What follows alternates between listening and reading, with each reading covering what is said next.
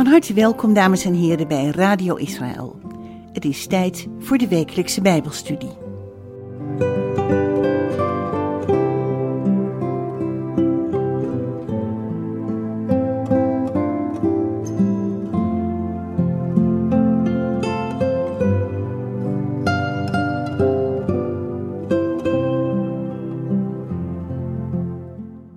Shalom luisteraars.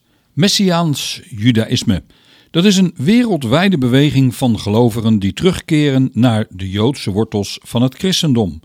Is deze beweging geleid door Gods geest of is het een beweging die gelovigen onder de wet brengt, zoals eeuwenlang gezegd werd?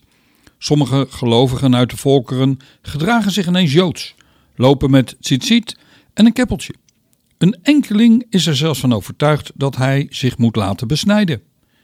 Gelovigen uit de volkeren zijn ineens actief met de Torah, de eerste vijf boeken van het Oude Testament, gebruiken Hebreeuwse termen, zingen Hebreeuwse liederen en hebben Israël lief.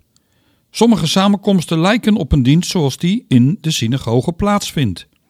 Door de grote verschillen in beleving en door de verschillende meningen en of visies ontstaat er bij een grote groep gelovigen verwarring.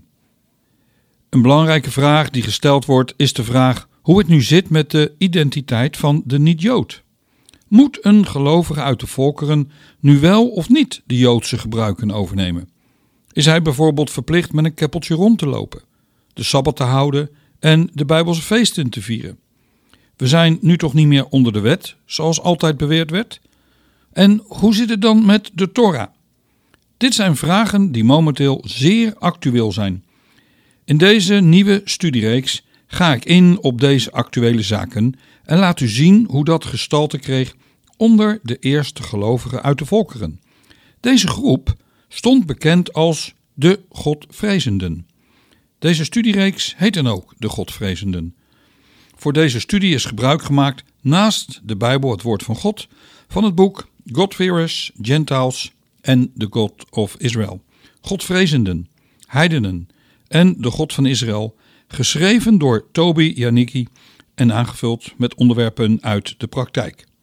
Misschien, luisteraars, is het goed als u pen en papier gereed heeft en onder andere de Bijbelteksten opschrijft en later nog eens terugleest. Welkom. Mijn naam is Jack van der Tang.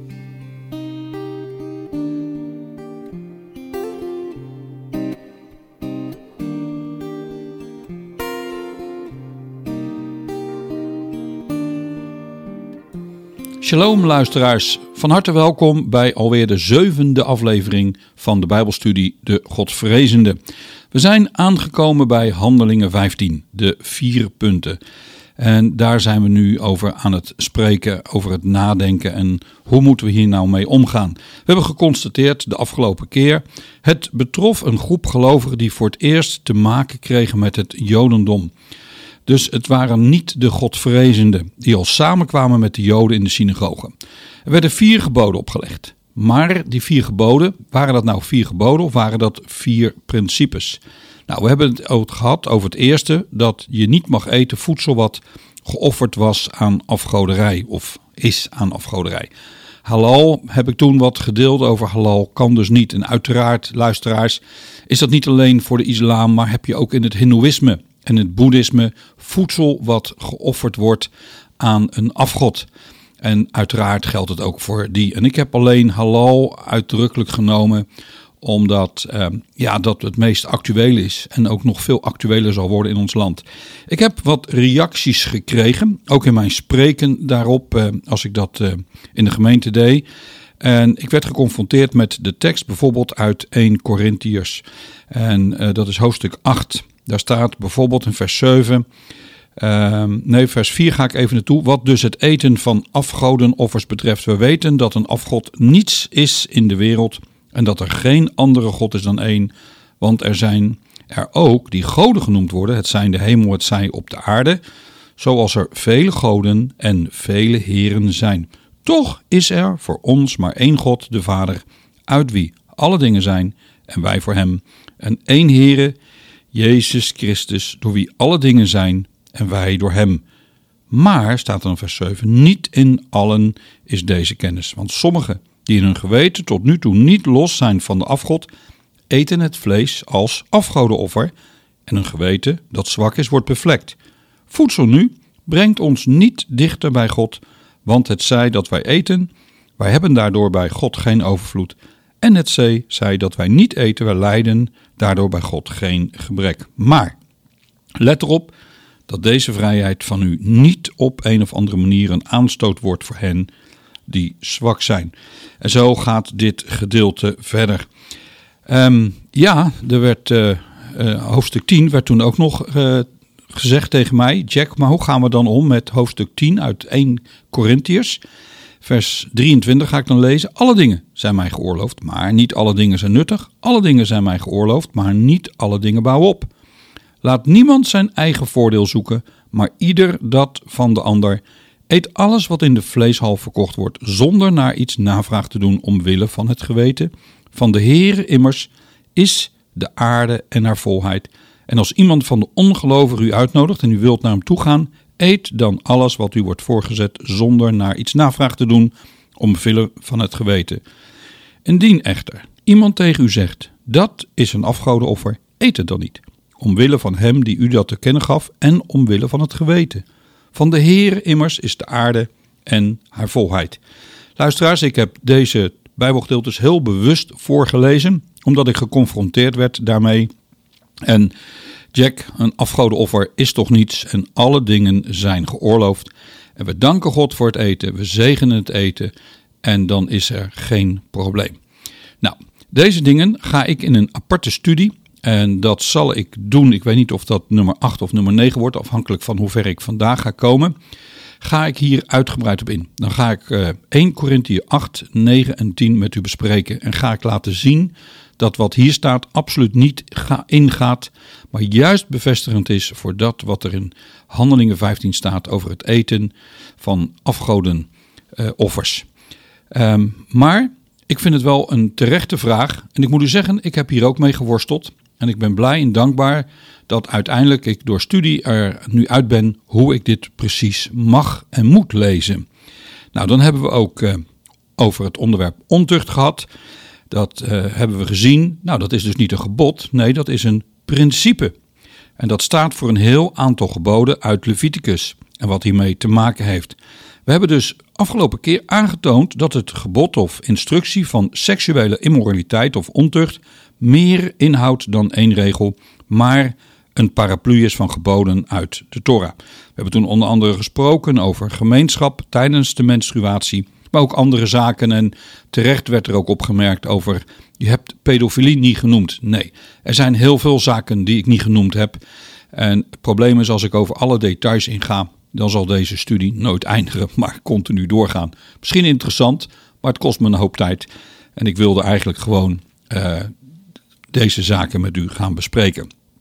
Nou, het is toch wel heel belangrijk, luisteraars, om te zien hoe staat Paulus eigenlijk erin. Ook door de versen die ik net las uit de eerste brief van de Corinthiërs. Het lijkt namelijk dat Paulus, als hij zegt: Alle dingen zijn mij geoorloofd, maar niet alle dingen zijn nuttig. Dat lijkt in te gaan tegen het feit dat er dus een principe is afgesloten. Dit zijn de regels hier moet je je aan houden. Hoe stond Paulus daar nou in? Hij leek een beetje daar te schipperen. Tenminste, is dat zo. We gaan eens naar Gelaten 2. En daar lezen we in het tweede hoofdstuk en het eerste vers. Daarna ging ik na verloop van 14 jaar weer naar Jeruzalem samen met Barnabas en ik nam ook Titus mee.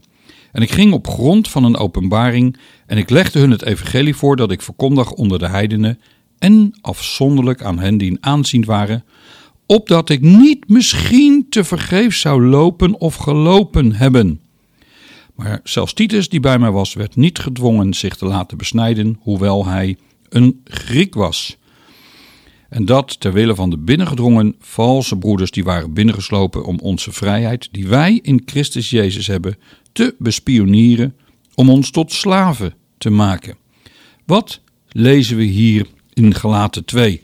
En ik denk dat we dat ons heel erg goed moeten realiseren wat Paulus hier zegt. Paulus gaat naar Jeruzalem, waar een aantal jaren daarvoor dat Jeruzalem-convenant, dus die vier principes, die vier geboden zeggen sommigen, maar het zijn vier principes, die zijn daar opgelegd aan de heidenen. En wat zegt Paulus dan? Hij zegt dat hij er naartoe gaat en hij ervaart een spanning. Want als er in Jeruzalem zegt Paulus, we zijn het niet met je eens, dan zal als het ware, en dan is misschien een verkeerde uitdrukking, maar zijn kaartenhuis instorten. Dan zou alles wat hij gezegd heeft ehm, niet geaccepteerd kunnen worden. Hij moest daar uh, de autoriteit ontvangen. Hij had die toestemming nodig. Hij zegt eigenlijk dat ik heb absoluut, ik ben akkoord gegaan met wat daar staat. Ik kan daar dus nooit en nooit tegen ingaan. En dat is zo belangrijk om te beseffen dat Paulus ziet dat als de, ja, de leiding zeg maar, van de Messiaanse beweging in Jeruzalem zegt tegen Paulus: Paulus, wij kunnen niet akkoord gaan met jouw leer, dan heeft Paulus een probleem en weet dat Paulus niet meer verder kan gaan. Dus dat is wel heel belangrijk dat Paulus hier dat zomaar zegt en dat die principes ten alle tijden blijven staan. Dus op het moment dat u en ik wat anders lezen in de schrift, moeten wij ons afvragen: oké, het mag nooit ingaan tegen Handelingen 15. Hoe moeten wij het dan lezen? Hoe moeten wij het dan begrijpen? En ik geef u toe, Paulus is niet makkelijk. Paulus is soms een lastige schrijver, lastige zinnen, komma's, alles. Dus het is allemaal niet zo heel makkelijk. Nou, we gaan vandaag dus kijken weer naar Handelingen 15. En dat is uh, de derde en het vierde gebod wat daar staat. Um, en dat is, ik ga nog even lezen, Handelingen 15, vers 19. Daarom ben ik van mening dat we de heidenen die zich tot God bekeren geen al te zware lasten moeten opleggen, maar dat we hun moeten schrijven dat ze zich dienen te onthouden van wat door de afgodendienst bezoedeld is. Nou, daar hebben we dus de afgelopen keer op uh, over gesproken van ontucht. Dan staat er van het vlees waar nog bloed in zit en van het bloed zelf. Die twee zaken die hebben we nog niet besproken en die gaan wij nu met elkaar bespreken. Dan staat er nog in vers 21: In haast elke stad wordt de wet van Mozes immers al sinds mensenheugenis verkondigd en op iedere sabbat in de synagoge voorgelezen, wat duidelijk laat zien dat er de mensen dus naar de synagoge gaan en men verwacht dit zijn de vier standaardeisen, maar de rest zul je nog horen en zul je onderricht over krijgen in de synagoge. Nou, het tweede, of het, het eerste waar we vandaag over gaan hebben, dat is van vlees waar nog bloed in zit en van het bloed zelf. Nou, vlees waar nog bloed in zit, in sommige vertalingen staat er van het verstikte. Het zijn twee verschillende onderwerpen, verschillende aspecten, maar eigenlijk hebben ze te maken met hetzelfde onderwerp. Nou, de meerderheid, als we gaan kijken van vlees waar nog bloed in zit, en in de MBG staat dus van het verstikte, de meerderheid van de Bijbelleraren gelooft dat hier bedoeld wordt dat het een verbod betreft tot het eten van vlees wat niet kosher geslacht is. Vlees wat verstikt is, verwijst naar vlees namelijk, wat niet op de juiste wijze is geslacht. Kosher geslacht is shechita. En sommige vertalers zijn wat in verwarring geraakt door het negatieve gevolg wat er geschreven is. Maar het heeft te maken met eigenlijk een heel positief gebod. Het komt uit Leviticus 17, vers 13. Iedereen van de Israëlieten en van de vreemdelingen die in hun midden verblijven, die wilde dieren of vogels die gegeten mogen worden tijdens de jacht vangt, die moet het bloed van het dier eruit laten lopen en het met aarde toedekken. In de Mishnah staat dat het gebruik van het woord verstikte wijst op een onjuiste manier van slachten en dan is daarbij gebruikt een bot of een stomp voorwerp om het dier te doen stikken, om het dier te doen doden.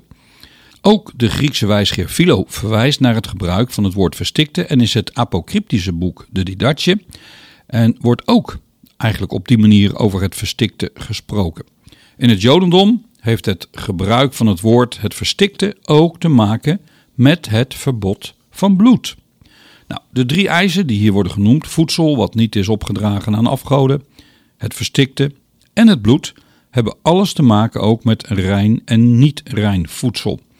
Dat wordt genoemd in de New American Commentary. En het vierde gebod gaat over het bloed. Ik moet u zeggen dat ik het heel lastig vind. Ehm, hoe ga je om dus met dat verstikte? Um, want eigenlijk houdt het dus in dat je alleen maar kosher vlees mag eten. En ik moet u zeggen dat ik daar persoonlijk mee worstel, want hoe kom je aan uh, kosher vlees? Dat is niet zo makkelijk te verkrijgen.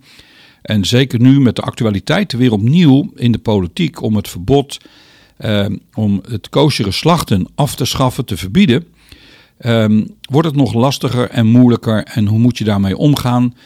Uh, hoe moeten wij dat zien, ook als gelovigen uit de volkeren? Ik moet u zeggen dat ik daar persoonlijk dus mee worstel, maar het staat er wel. Zo wordt het altijd uitgelegd en de eerste eeuwen zijn er voorbeelden dat vele gelovigen alleen maar kosher geslacht vlees hebben gegeten. Dat had ook te maken omdat je dan zeker wist dat het niet aan afgoden was geofferd, dat het allemaal rein was, dat het allemaal klopte. Dus dit zijn regels die dus in Handelingen 15 staan. En het verbaast mij eigenlijk hoe mensen soms het dan uitleggen van dat je alles mag eten, dat je alles mag uh, ja, nemen wat je wil. En dat heeft alles weer te maken met natuurlijk dat visioen van dat die, uh, dat kleed met al die reine en onreine dieren naar beneden kwam en uitgelegd wordt in het algemeen. Je mag dus alles eten, terwijl uiteindelijk Petrus het helemaal anders uitlegt dan dat. Dus we moeten begrijpen, luisteraars, als we dus over handelingen 15 bespreken en als we horen en we net gezien hebben ook wat er staat in de schrift, dat Paulus terugging en zijn onderwijs als het ware ging voorleggen aan de raad aan de leiding van de Messiaanse beweging toen. En hij wist, als zij niet akkoord gaan, dan heb ik een probleem. Dus die vier instructies die er staan in Handelingen 15 moeten absoluut van belang geweest zijn. En wij kunnen daar niet te licht over doen. Wij moeten alles in het Nieuwe Testament eigenlijk toetsen aan die vier begrippen. Gaat het er tegenin? En als het lijkt dat het er tegenin gaat, dan Opnieuw zeg ik het, dan opnieuw moeten we ons afvragen of we het goed begrijpen of dat we het goed uitleggen. En ik moet u zeggen dat als je gaat kijken naar de geschiedenis, dat vele Bijbelvertalers eigenlijk ook niet goed weten hoe ze hiermee om moeten gaan. En daardoor krijgen we een verkeerde indruk. Nou, ik ga toch even verder naar dat bloed. Um, en het is misschien grappig als ik nu zou vragen aan u als luisteraar: wie van u heeft wel eens bloedworst gegeten? Nou, ik, als ik zou vragen, steek uw hand eens op. Ik kan het natuurlijk niet zien, want het is een radioprogramma. Maar ik zou benieuwd zijn hoeveel van u nu zou zeggen: Ja, Jack, ik heb wel eens in mijn leven bloedworst gegeten. Wat is bloedworst? We gaan eens kijken. Dan uh, pak ik even wat er op Wikipedia op internet staat. Bloedworst is een worst, gewoonlijk uit, bestaande uit een mengsel van bloed, dan staat er uh, tussen haakjes achter meestal van het varken, maar er bestaat ook runderbloedworst. Dan vet of reuzel, dus smout, spek, kruiden en vulmiddelen. Rogge, brood, gerst en of havermout. Het is een bijproduct van de slacht en wordt traditioneel in de herfst gemaakt. Ik moet zeggen, als ik dit zo lees, dan word ik al te plekke misselijk. Ik vind het echt te vies om maar ik, ik heb het ook nooit gegeten om die reden. Niet uit principes, maar gewoon omdat ik het gewoon heel vies vond. En dat ik het daarom niet wilde. Maar dat is bloedworst. En ik ben verbaasd. Ik heb een aantal keren over dit onderwerp in gemeentes gesproken. Dat heel veel mensen hun vinger opsteken. Ik heb wel eens bloedworst gegeten. Hoe kunnen wij dat dus rijmen als er staat in de Handelingen 15, wat voor Paulus zo belangrijk is, dat we ons moeten onthouden van het bloed. Is dat niet apart? Dit heeft trouwens ook alles te maken met de juiste manier van slachten. Shechita, kosher slachten. En die manier van slachten, die gaat terug naar de berg Sinaï. Ik zou met u willen lezen Deuteronomium 12 vers 21 en ik weet het, het is lastig als je natuurlijk zit te luisteren naar de radio en al die teksten komen voorbij. Toch wil ik laten zien wat het woord van God uiteindelijk zegt. Vers 21, Deuteronomium 12. Wanneer de plaats die de Heere uw God zal uitkiezen om zijn naam daar te vestigen, ver van u vandaan is, dan mag u van uw runderen en uw kleinvee, die de Heere u gegeven heeft, slachten zoals ik u geboden heb. En u mag ervan eten binnen uw poorten naar het volle verlangen van uw ziel. Volgens de Joodse overlevering betreft het hier luisteraars dat God heeft verteld hoe er geslacht moet worden. En dit is door de mondelinge leer overgeleverd. Dus als je dan leest in vers 21, hè, slachten zoals ik u geboden heb. Dus zij zeggen in de Joodse overlevering, God heeft verteld exact op welke manier er geslacht moet worden. Het woord slachten, volgens de Hebreeuwse geleerde Jefferty Digai, in het Hebreeuws is tzavach. En dat verwijst naar het koosjere slachten. Namelijk, het koosjere slachten, dat is het doorsnijden van de keel. Trouwens, dat is niet alleen voor het slachten van de dieren voor de offers in de tempel. Er wordt steeds meer bewijs gevonden in oude kerkliteratuur dat de eerste gelovigen kosher vlees aten. Aan het einde van de tweede eeuw waren gelovigen uit de volkeren die hier nauwgezet waren in deze regels en die geen bloed uh, namen en bijbels kosher geslacht, zeg maar, vlees aten. Nou, net als we gezien hebben dat bij het eerste en het tweede van Handelingen 15, hè, die tweede instructies, namelijk geen voedsel opgedragen aan afgoden en ontucht, staat dus ook nummer 3 en 4 voor een categorie. Als dus het verstikte betekent dat gelovigen alleen kosher geslacht mochten eten, wat betekende dat dan nog meer? We kunnen dan denken aan kosheren producten. Zouden de apostelen op een subtiele manier de heidenen gedwongen hebben om de richting te gaan van het eten van reine producten? Dat is een vraag die we ons kunnen stellen. En er is nu ook weer uit die periode allerlei bewijs dat dit inderdaad gebeurde. In het boek De Didatje is het volgende te vinden. dan staat er het volgende: Als je de hele last van de wet kan vervullen, dan ben je perfect. Maar als je dat dan niet kan, doe dan wat je wel kan. Nou, dat is denk ik heel duidelijk. En dat we de hele last van de wet niet kunnen, dat lijkt mij toch ook wel heel duidelijk. Dat kunnen we niet. Daardoor hebben we ook het offer van Jezus nodig. Maar dat wil dus niet zeggen dat we eigenlijk niets meer hoeven te doen. Want het is enkel en alleen genade. We hoeven ons niet maar aan regels te houden. Nee, dat betekent het dat dus niet. Nou, wat het voedsel betreft, staat er dan ook in dat boek de Didatje. Doe wat je kan, maar blijf weg van het voedsel wat opgedragen is aan de afgoden, want het is een aanbidding tot de goden van het koninkrijk van de dood. Kun je in hoofdstuk 6, vers 2 en 3 lezen van het boek. Nou, wat er staat hè, van de wet, dan zeggen ze yoke of the Lord, dat verwijst naar de Torah. En de Didatje roept de heidenen op om kosher te eten en zeker geen eten wat geofferd is aan de afgoden. Kosher eten, dat werd gezien als ideaal. Maar er was ruimte voor degene die niet in staat was dat te doen, die de last niet konden dragen. In ieder geval was minimaal het verplicht om geen bloed te consumeren. Of vlees van dieren die zeker niet kosher geslacht werden. Nou, zijn het alleen luisteraars als we hier dus naar kijken, naar deze vier instructies of vier geboden uit Handelingen 15. Is dit nou het enige wat geldt voor de heidenen? Ik kan u vertellen, en ik denk dat u het met me eens bent, maar er zijn er bijbelleraren, grote bijbelleraren, die zeggen: dit is het enige waar we aan ons hoeven te houden. En meer niet. En ik zeg u, dat is een leugen. Dat is absoluut niet waar. En ik ga u laten zien dat dat niet zo is. Maar buiten dat, de mensen die dit vaak zeggen, die moeten toch eens nadenken over deze vier zaken die er staan en wat dat inhoudt. Ik moet u zeggen, als je het goed tot je door laat dringen, en als je denkt bijvoorbeeld aan het eten van het vlees, dan moet kan ik u heel eerlijk vertellen dat ik worstel en mij afvraag of ik het op de juiste manier doe. En ik weet dat het lastig is.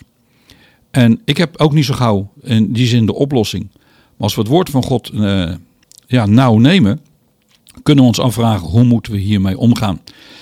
Uh, wat adviseer je ons, Jack? Nou, ik zou zeggen, bid voor wijsheid hoe je hiermee om moet gaan. Sowieso zou het wel heel goed zijn als we wat zouden stoppen met vlees eten volgens mij. Want dat is ook niet meer het gezondste wat er is tegenwoordig. En in de tijd van de Bijbel werd er amper eh, vlees gegeten. Dan was het maar één keer In, met de feesten werd het vaak alleen maar gedaan. En soms met de sabbat, maar ook heel vaak dat men heel lang geen vlees at, omdat het gewoon veel te duur was. Dus u moet dat zich wel realiseren dat het wel heel anders was. Denk er maar eens over na. En uh, ik ga niemand zeggen van wat hij wel of niet moet doen. Ik zeg, lees het woord van God en laat u leiden door het woord van God. En bid erom. Nou, de vraag is, oké, Jack, alleen deze vier geboden en that's it. Is dat zo? Nou, we gaan eens kijken naar Romeinen 13, vers 9 en 10. Want dit, u zult geen overspel plegen, u zult niet doden, u zult niet stelen, u zult geen vals getuigenis geven, u zult niet begeren. En welk ander gebod er ook is, wordt in dit woord samengevat, namelijk hierin, u zult uw naaste liefhebben als uzelf. En dan vers 10, de liefde. Doet de naaste geen kwaad, daarom is de liefde de vervulling van de wet. De apostelen noemen dus in Handelingen 15 geen lijst met verplichtingen voor de nieuwe gelovigen die eigenlijk wel logisch zijn of voor de hand liggend. Gelaten 5 vers 19. Het is bekend wat de werken van het vlees zijn, namelijk overspel, hoererij, onreinheid, losbandigheid, afgoderij, toverij, vijandschappen, ruzie, afgunst, woedeuitbarstingen, egoïsme, oneenigheid, afwijkingen in de leer, jaloersheid, moord, dronkenschap, zwelgpartijen en dergelijke, waarvan ik u voor zeg, zoals ik al eerder gezegd heb, dat wie zulke dingen doet, het koninkrijk van God niet zullen beërven. De wijzen van Israël hadden een soortgelijk statement. In de Torah staat, en daar verwijzen ze dan naar Leviticus 18, mijn bepalingen moet u houden. En dat verwijst naar zaken die, zelfs als ze niet opgeschreven zijn in de Torah, gezond verstand laat zien dat het geschreven moet staan. Bijvoorbeeld afgoderij, overspel, moord, diefstal en blasfemie. Nou, wat hebben we kunnen constateren? Dat de vier verboden uit Handelingen 15 een categorie betreffen. Zo betreft het verbod op moord. Dat, ja, dat betekent ook dat je geen losgeld mag accepteren voor moord. Of als je niets doet, als iemands gevaar in leven loopt, dat het ook niet kan en niet mag. Maar ook bijvoorbeeld als we kijken naar diefstal. Diefstal mag niet. Dat zal iedereen van u wel uh, ja, mee eens zijn. Maar het is ook verplicht om het terug te brengen naar de eigenaar. Of op een juiste manier omgaan met een lening. En zo kunnen we nog een heel aantal zaken benoemen hier die niet in Handelingen 15 wordt genoemd, maar die wel degelijk bepalend zijn. Paulus wijst ook op het gebod kibbut affaim. Dat is het eer uw vader en uw moeder. Hij doet dat in Efeze 6, vers 1 tot 3. Kinderen staat er dan, wees je ouders gehoorzaam in de Here, want dat is juist. Eer je vader en je moeder. Dat is het eerste gebod met een belofte. Opdat het je goed gaat en je lang leeft op de aarde. Dat dit gebod door Paulus wordt genoemd, luisteraars, dat is erg belangrijk. Waarom is dat dan belangrijk? Omdat volgens vele belangrijke rabbijnen dit gebod niet verplicht gezien wordt voor de heidenen. Maar Paulus en de apostelen zien dit gebod wel degelijk als een verplichting voor de gelovigen uit de heidenen. Volgend voorbeeld is 1 Petrus 2, vers 17. Houd iedereen in ere. Heb al uw broeders lief. Vrees God, eer de koning. En hiermee verwijst Petrus naar de rabbijnse opvatting en hij gaat het zelfs nog uitbreiden van Leviticus 19 vers 32, waar geschreven staat: U moet opstaan voor iemand met grijze haren en eer bewijzen aan een oudere. We vinden dus in het Nieuwe Testament dat de apostelen verwijzen naar de positieve en de negatieve geboden uit de Torah. Denk aan roddel. Denk aan blasfemie. Aan Torah-studie. Aan trouw zijn en trouw blijven aan God en gastvrijheid. 1 Timotheus 5, vers 17. Laat ouderlingen die goed leiding geven, dubbele eer waard geacht worden. Vooral degenen die arbeiden in het woord en in de leer. Want de schrift zegt: Een dorsende os mag u niet melbanden en de arbeider is zijn loon waard. Dit verwijst naar Deuteronomium 25, vers 4.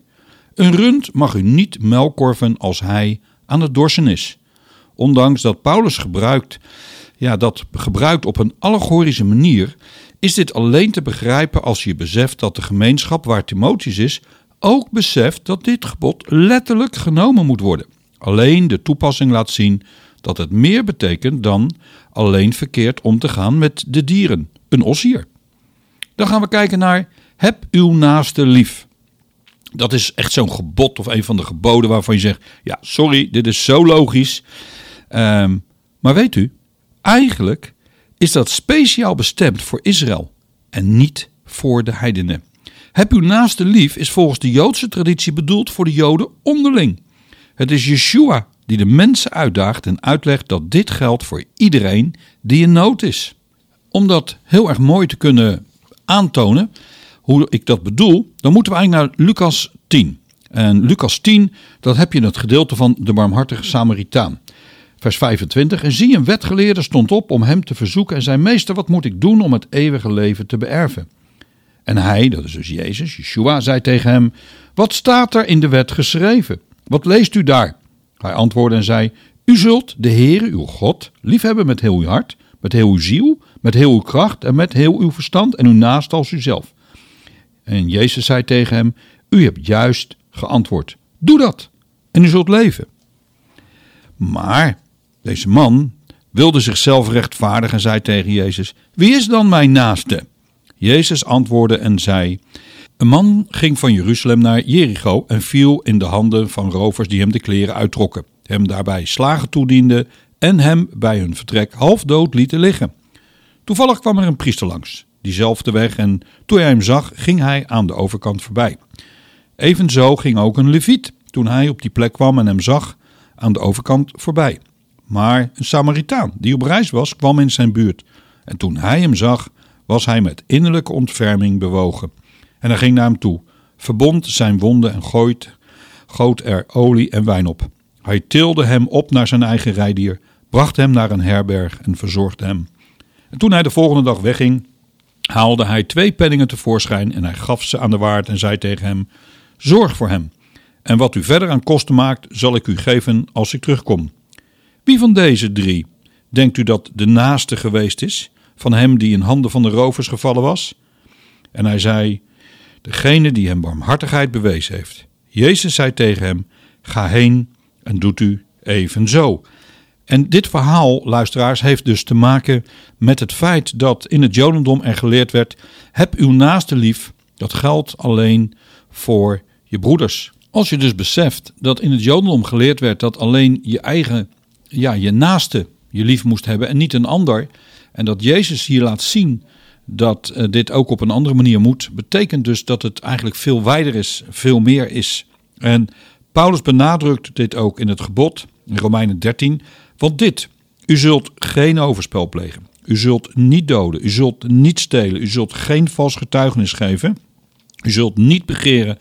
En welk ander gebod er ook is, wordt, wordt in dit woord samengevat, namelijk hierin: U zult uw naaste liefhebben als uzelf. Gelaten 5, want de hele wet wordt in één woord vervuld, namelijk hierin: U zult uw naaste liefhebben als uzelf. En zo gaat het maar door. Er zijn heel wat van dit soort Bijbelteksten. Een belangrijke tekst die hier ook mee te maken heeft is Leviticus 25, vers 35, waar staat: en wanneer uw broeder in armoede raakt en met lege handen staat, dan moet u hem steunen. Ook als hij een vreemdeling en bijwoner is, zodat hij bij u in leven blijft. U mag geen rente of winst van hem nemen, maar u moet uw God vrezen, zodat uw broeder bij u in leven blijft. U mag uw geld niet met rente aan hem lenen en u mag uw voedsel niet tegen winst geven. Dit gebod wordt niet genoemd in het Nieuwe Testament. Toch valt dit gebod onder de categorie: heb uw naaste lief zoals dat geleerd werd in de tijd van Yeshua. Nou, het, woord, of, uh, het onderwerp geen rentevragen, het wordt niet genoemd in Handelingen 15. Toch, luisteraars, is er correspondentie gevonden dat dit gebod in de vroege kerk wel degelijk als een verplichting werd gezien. Clementius van Alexandrië schrijft dat het niet juist is om woekerrente te vragen voor het lenen van geld maar dat het belangrijk is dat er gegeven wordt aan degenen die in nood zijn.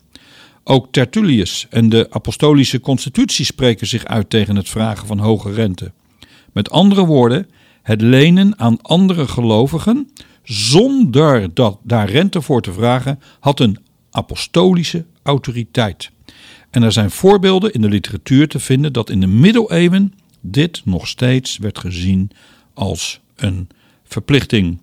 Tot zover deze studie, luisteraars. En ik denk dat het goed is dat, uh, dat ik nu ga afsluiten, omdat ik nu het volgende toch ook als een geheel wil gaan vertellen aan u. We hebben nu eigenlijk laten zien dat de vier categorieën, de vier verboden uit Handelingen 15, wat echt door een aantal grote, ja, bekende Bijbelleraar wordt gezegd, dat is het en meer niet. Dat het Nieuwe Testament wel degelijk laat zien dat er geboden zijn, verplichtingen voor de gelovigen, die rechtstreeks komen uit de Torah en die niet te ontkennen zijn. Alleen moet je daar wel op gefocust zijn en moet je dat wel zien. En soms ontbreekt daarvoor de kennis. Volgende week gaan we hierover verder met het onderwerp de Godvrezende en hoe en wat wordt er nou eigenlijk van ons verwacht als gelovigen. En niet omdat we iets vinden, niet omdat we iets ervaren, niet omdat we iets denken, maar wat zegt het woord van God? Dat moet onze leiding eh, zijn en niets anders. En de geest zal ons dan, dan overtuigen ook dat het ook echt zo moet gaan gebeuren. Dankjewel voor het luisteren. Tot volgende week. Dit was het zevende deel. Volgende week gaan we verder met het achtste deel.